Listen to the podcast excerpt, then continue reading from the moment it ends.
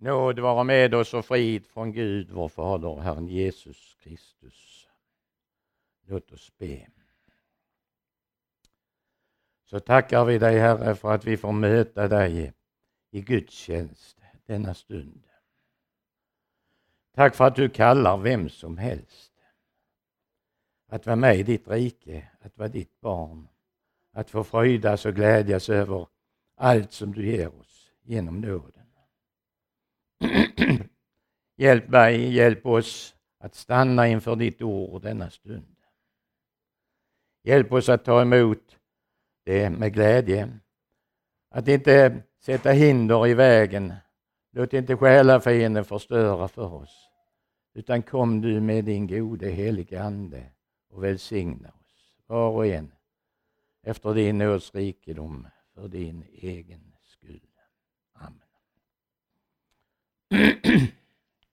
Jag ska läsa, vi ska stanna inför denna dags evangelietext som vi finner i Lukas 15 kapitel och vi börjar på vers 11. Det är liknelsen om den förlorade sonen. Vidare sa han, en man hade två söner. Den yngre av dem sa till sin far, Far ge mig den del av förmögenheten som ska bli min. Då delade han sin egendom mellan dem.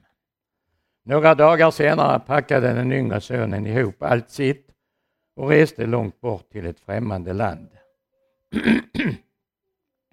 Där levde han hämningslöst och slösade bort sin förmögenhet. När han hade gjort slut på allt drabbades det landet av en svår svält och han började lida nöd. Då gick han bort och tog tjänst hos en av landets medborgare som skickade ut honom på sina ägor för att vakta svin. Han hade gärna velat äta sig mätt på fröskidorna som svinen åt, men ingen gav honom något. Då kom han till besinning och sa, hur många arbetare hos min far har inte mat i överflöd och här svälter jag ihjäl.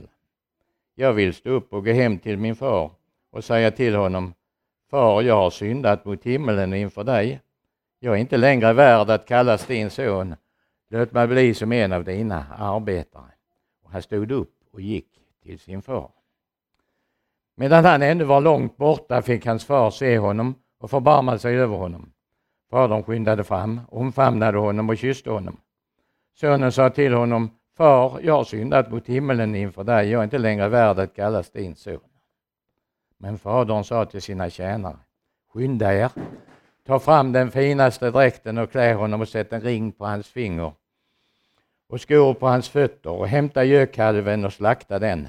Nu ska vi äta och fira, för min son var död, men han har fått liv igen. Han var förlorad, men är återfunnen. Och festen började. Men hans äldre son var ute på fältet. När han kom, nu kom och närmade sig gården fick han höra musik och dans. Han kallade då till sig en av tjänarna och frågade vad detta kunde betyda. Tjänaren svarade, din bror har kommit hem och din far har slaktat gödkalven eftersom han fått honom välbehållen tillbaka. Då blev han arg och ville inte gå in. Hans far kom ut och försökte övertala honom, men han svarade sin far, här har jag slavat för dig i alla dessa år och aldrig gått emot ditt ord och mig har du aldrig gett ens en killing så att jag kunde fira med mina vänner. Men när han där kommer hem, din son som har festat upp din förmögenhet tillsammans med horor, då har du slaktat gödkalven för honom. Fadern sa till honom, mitt barn, du är alltid hos mig och allt mitt är ditt. Men nu måste vi fira och glädja oss, för din bror var död men har fått liv igen. Han var förlorad men är återfunnen. Så lyder det heliga evangeliet. Lovad vare du, Kristus. Gud skapade människan. Jag satt igår och, och tittade lite, hur länge sedan är det egentligen? Ja, det är kanske lite över 6000 år sedan om man räknar ihop släktled och eh, allt. och eh, de första 1500 åren liksom spolades liksom bort genom att syndafallet hade katastrofala följder. Och Gud beslutade att utplåna alla varelser nästan. Jag mötte en människa igår som sa, vem är Gud? Ja, jag började tänka på det när jag satt där hemma igår kväll och slog upp katekesen. Hur är det det står? Vad är Gud? Gud är en ande med alla de högsta fullkomligheter. Han är evig, han är oföränderlig, han är allestädes närvarande, allsmäktig, allvetande, allvis, helig, god och barmhärtig. Så har Luther förklarat det. Det är Gud. Gud har uppenbarat sig genom Jesus främst, men i tre personer.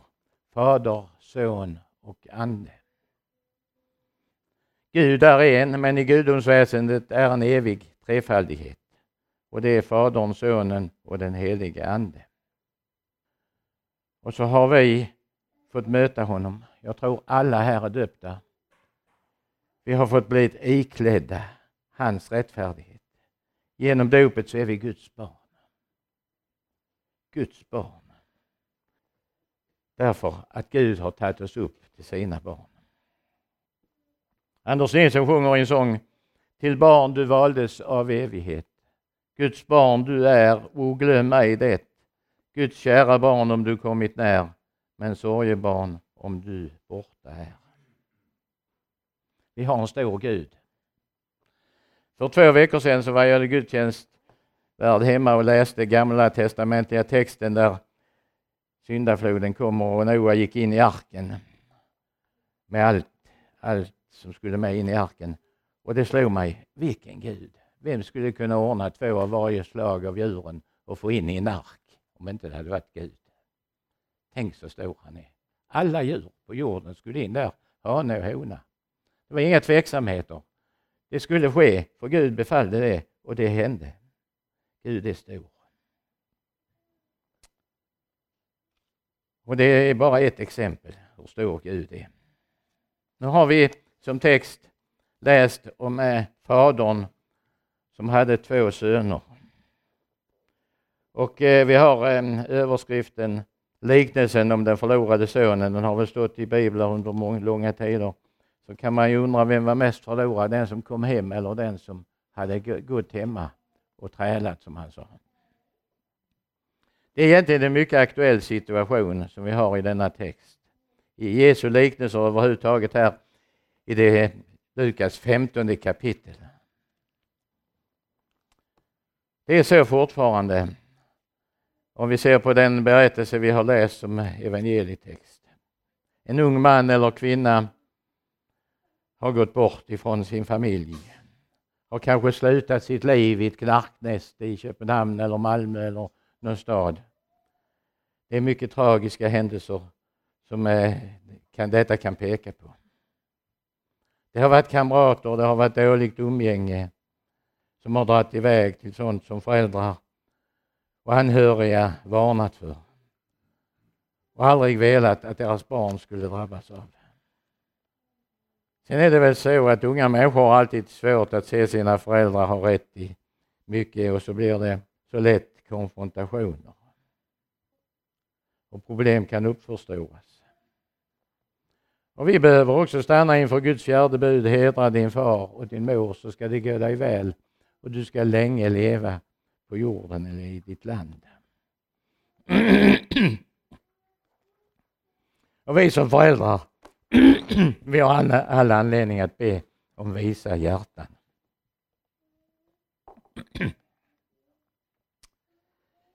Vi kan inte vara nog visa när det gäller att ta hand om varandra. Be tillsammans med barnen, ungdomarna. Vi lever i en ond och farlig värld. Vi har en ond natur och eh, vi är fallna i synd. Och vi har fienderna, djävulen, världen och vårt eget onda kött. Och de är verksamma. Ursäkta det, halsen vill inte. Om vi ser på vårt yttre liv så är det oerhört viktigt att vi räknar med Guds hjälp och Guds ledning och välsignelse. nu har texten inte bara lärdomar i det yttre utan eh, också framförallt ett djupt andligt innehåll. Det står ju där i Lukas 15 från början att alla tulldrivare och syndare höll sig nära Jesus för att höra honom. Men fariseerna, de skriftlärda, kritiserade honom ständigt och sa den där mannen tar emot syndare och äter med dem. Och det var ju sanning, de hade ju alldeles rätt. Han gör det fortfarande. Han tar emot syndare och ger dem vad de behöver. Han äter tillsammans med syndare. Och så har vi berättelsen om det förlorade fåret. Om någon av er har hundra får och förlorar ett av dessa, lämnar han då inte de 99 i öknen, går ut efter det förlorade tills han finner det. Och när han har funnit det blir han glad och lägger det över sina axlar. När han sedan kommer hem samlar han sina vänner och grannar och säger till dem, gläd er med mig, jag fann det förlorade fåret. Jag säger er, på, mitt, på samma sätt blir det större glädje i himlen över en enda syndare som omvänder sig än över 99 rättfärdiga som inte behöver någon omvändelse. Vi kan säga att i kapitlet beskrivs tre förhållanden och Jesus mottager syndare och äter med dem. En beskrivning som fariseerna och Jesus mycket riktigt uppfyllde. Men fariseernas bedömning det var efter eget mått och eget förstånd. De sa visserligen han kan inte vara en profet. Då skulle han dra sig undan de här skumma individerna som lever här runt omkring oss. Och så kommer publikaner och syndare till Jesus för att höra honom tala. Varför? Därför att Jesus lyssnade. De fick svar. Det är som kvinnan som blev döpt i fjol i pingst som var från Iran sa. Jesus svarade mig på mina böner från första stund. Han kom in och bodde i mitt hjärta, så nära Jesus. Han svarar. Han engagerade sig. Han kunde hjälpa dem som ingen annan. Han bedömde inte dem efter den tidens lärares sätt. Fariséer och skriftlärda de knorrade över att Jesus tog emot syndare. Sådana utfattiga stackare som ingen brydde sig om. I det föregående kapitlet, föregående kapitlet läser vi eller vilken kung går ut i krig mot en annan kung utan att först sätta sig ner och tänka efter om han med 10 000 man kan möta den som kommer mot honom med 20 000. Kan han inte det skickar han sändebud och ber om fred medan den andra ändå är långt borta. På samma sätt kan ingen av er vara mina lärjungar om man inte avstår från att allt han äger. Salt är bra men om saltet förlorar sin sälta hur kan man då få det salt igen? Det duger varken för jorden eller gödselhögen. Man kastar bort det. Hör du som har öron att höra med. Vad vill han säga? Saltet hade ingen sälta. Fariséerna och de skriftlärda, de eh, var visserligen lärda i skriften. De kunde lagen. De försökte följa den. Men allt detta som de höll på med, det var egentligen en falsk tolkning. Och så eh, knorrade de. Och så gick de sin egen väg och föraktade Jesus. Inte alla. Vi vet ju att det var några av dem som kom till Jesus. Nikodemus kom till Jesus om natten. Och eh, det var vissa som ändå såg upp till Jesus. De såg att han var något speciellt. Om vi ska stanna något inför texten här så ehm, Fadern är ju egentligen Jesus här i, i den här texten. Han har samma kärlek till alla. Han är fylld av kärlek. Han står där och undervisar fariseer och syndare. Han säger inte nu kan ni gå eller ni gå för ni passar inte här när han undervisade alla. Sen var det olika hur man tog emot honom.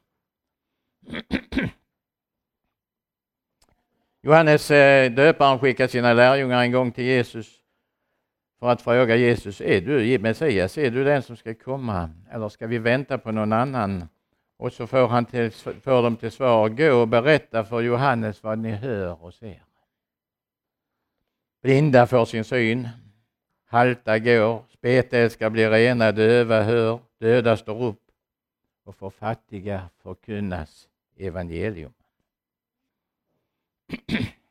Vad är evangelium? Jo, det är att vi får vara frälsta. Vi är återlösta. Jesus har gått i döden för alla. Och det hade han också vittnat om. han har försonat oss med Gud. Därför kan vi säga att vi är Guds barn, därför att vi, när vi har blivit döpta så har vi blivit iklädda hans förtjänst. Och så mannen här med de två sönerna. Han hade säkert samma hjärta för alla. I Israel var det så att arvingar kunde få ut sitt arv och man kunde skifta sitt arv innan man dog. Och den här eh, ene sonen, han tyckte nu kan jag få ut mitt arv så ska jag gå och leva på ett annat sätt för mig själv. Han fick sin del, han flyttade hemifrån. Vi kan inte säga att båda trivdes i hemmet, det kan vi förstå sen av den andra sonen. De vantrivdes nog till viss del. Den äldre sonen han hade andra vänner än, än de som fadern hade. Det kan vi också förstå.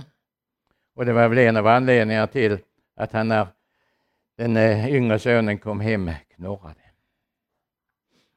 Och jag skulle kunna säga att det var väl ändå den förlorade sonen, den som gick där hemma och knorrade. Vi har många gåvor av Gud på olika sätt.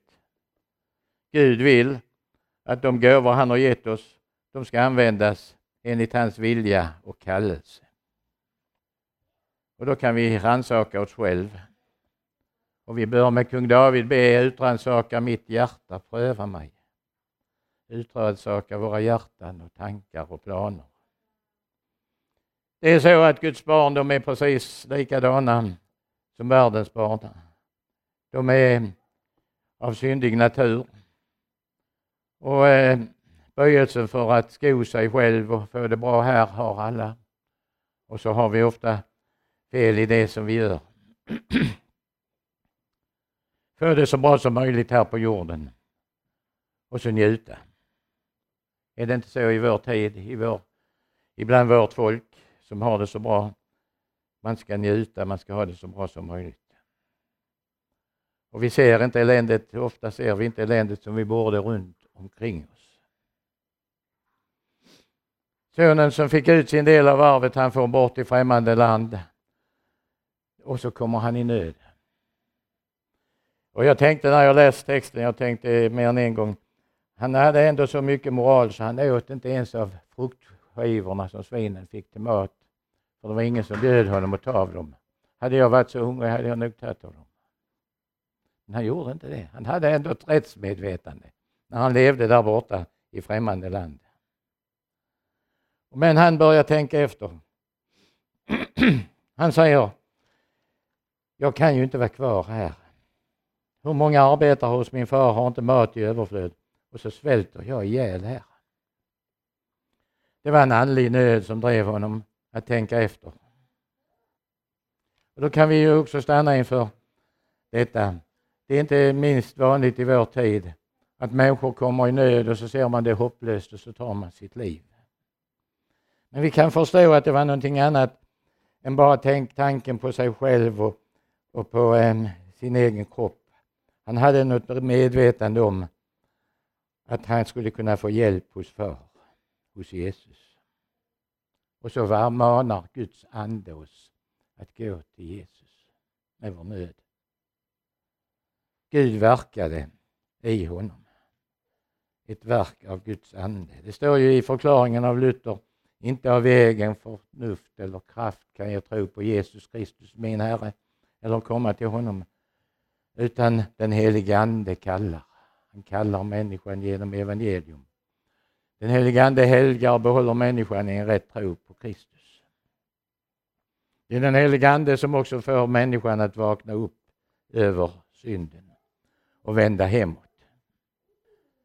Vem är det som vänder hemåt? Ja, det är väl den som har fattat hur illa han handlat och ser ändå någonting ljust framför sig. Då kom han till besinning. Hur många arbetare hos min far har inte mat i överflöd och här svälter jag ihjäl. Jag vill stå upp och gå hem till min far och säga till honom, Far, jag har syndat mot himlen inför dig. Jag är inte längre värd att kallas din son. Låt mig bli som en av dina arbetare. Och han stod upp och gick till sin far.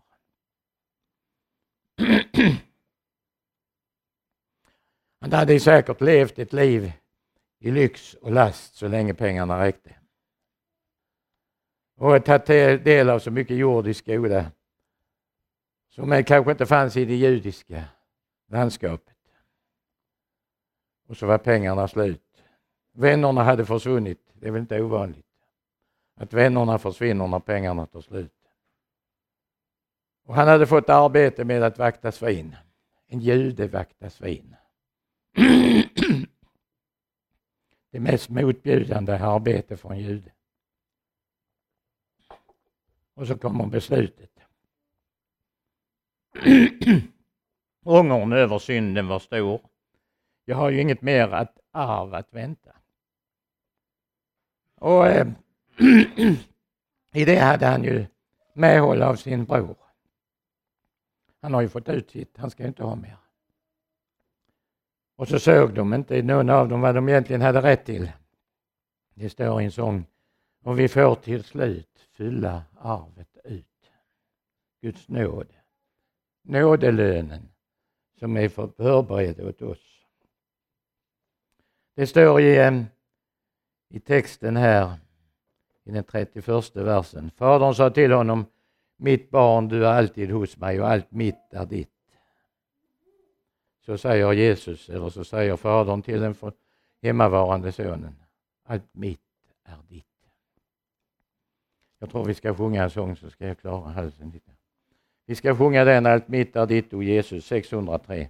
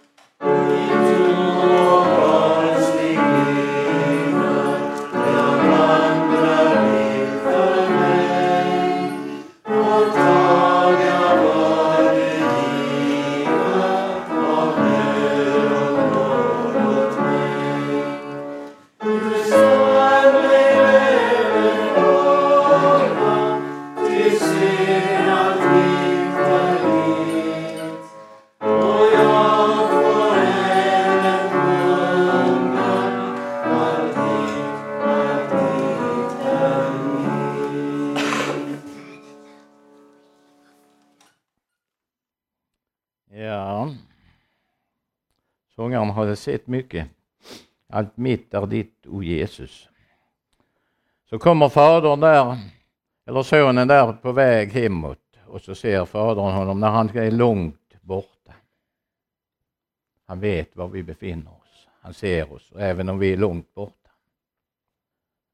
Sonen vet att han är ovärdig och fadern skyndar mot honom. Och han fick inte ens framföra sin önskan om att vara daglönare. Nej, det står här. Sonen sa till honom, far jag har syndat mot himlen inför dig. Jag är inte längre värd att kallas din son. Men då säger fadern, skynda er, säger han till tjänarna. Skynda er, ta fram den finaste dräkten och klä honom och sätt ring på hans finger och skor på hans fötter.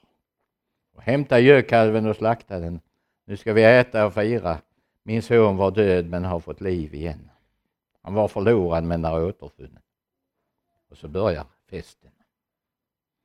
Sonen faller i faderns armar. Vad är det för klädnad? Vad är det för skor? Det är Kristi rättfärdighets vita skrud som syndaren blir klädd i. Inte därför att han förtjänat det, men därför att han får falla in i Faderns nådesförbund. Alldeles oförskyllt av nåd för Jesus skull. Vi sjöng här inledningsvis vem som helst kan bli frälst blott det Gud han vänder. Jag har ett minne av Emanuel Gissesen när vi var på barndagar på stranden. Vi alltid sjöng vi den. Det är så viktigt. Alla människor är köpta med Jesu blod. Varenda människa vi möter varenda dag har Jesus köpt fri. Vem som helst kan bli frälst. Jag stod på bokmässan, en på Bibelsällskapet fick frågan när blev du frälst? Ja, det sa han, det blev jag ju när Jesus dog på Golgata. Tänk så väl. Allt är färdigt. Jesus har förlossat, förvärvat och vunnit dig och mig med sitt eget blod. Att bli iklädd högtidskläder. Den han hade fördärvat kläder och allt säkert. Han som var på väg hem. Det var säkert en trasank. Och så var han klädd i den allra yppersta klädnaden. Det fanns ett arv och det finns ett arv som är förvarat i himlen. Ett ovanskligt arv som är förvarat i himlen. Vi ska läsa i Petri första brev, det första kapitlet. Där säger utbrister aposteln Välsignad är vår Herre Jesu Kristi Gud och Fader. I sin stora barmhärtighet har han genom Jesu Kristi uppståndelse från de döda fött oss på nytt till ett levande hopp. Till ett arv som aldrig kan förstöras, fläckas eller vissna och som, är, som förvaras åt er i himlen. Med Guds makt bevaras ni genom tron fram till den frälsning som är redo att uppenbaras i den sista tiden. Var därför glada även om ni nu en liten tid måste utstå olika prövningar. Han var död, men han hade fått nytt liv, han hade fått ett levande hopp. Är du här som inte har tagit emot Jesus i ditt hjärta, gör det för det är det allra bästa. Jesus följer oss. Han följer oss hela vägen genom livet. Han ger oss det allra bästa. Det vet vi, för han vet bäst. Vi kan se att man kan leva borta från Herren Gud på olika sätt. Det är egentligen inte så svårt att se hur den hemmavarande sonen, han var en farisé. Han säger ju, jag har ju levt exemplariskt efter ditt ord. Och ändå så var det ju hopplöst för han ville ju inte ta emot sin bror när han kom hem. Han hade inget hjärta för honom. Han som hade levt i sus och dus och kom hem Visst kan man tänka, det var ju inte så lätt för den andra sonen tyckte han hade skött sig. Och så möta en sån usling. Och så skulle han få det allra högsta hedersbetydelse. Vi kan stanna inför det en liten stund. Hur gör vi? Gläds vi när vi möter en kanske en A-lagare och sätter oss ner och pratar om för honom att han kan lämna sina bekymmer för han har allt i Jesus. Går vi som Jesu efterföljare människor till mötes? Nej, jag tror ibland så går vi vid sidan om för vi tänker det är hopplöst. Vi har faktiskt ett stort ansvar. Vi är Guds barn. Vi har ett arv förvarat i himlen som är för alla. Och det handlar ju faktiskt inte bara om detta livet, det handlar ju om liv och död för alla människor. Och så handlar det också om att Gud har gett oss våra gåvor för att användas i hans tjänst. Det är nåd att få vara tjänare i Guds rike. Och framförallt måste vi komma ihåg, vi är rättfärdiga i Jesu Kristi förtjänst. Jesus gläds över syndare som omvänder sig. Barnaskapet hos Gud är något speciellt. Vi är skapade av Gud. Vi är fallna genom Adam. Genom Kristus är vi återlösta. Kanske är vi som barn burna till det heliga dopet eller senare. Vi har blivit iklädda Kristus. Genom Guds förordnande så har vi det allt vad vi behöver för denna, detta livet. Och den glädje som beskrivs i texten, ja, kallelsen går ut. Kom med i glädjefesten, för det är en glädjefest. Den hemmavarande sonen vill inte vara med. Vad svarar vi när bjudningen går ut?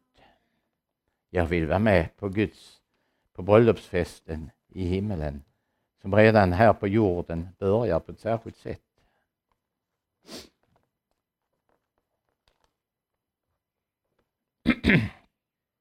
Vi måste fira och glädjas för din bror var död men har fått liv igen. Han var förlorad men är återfunnen.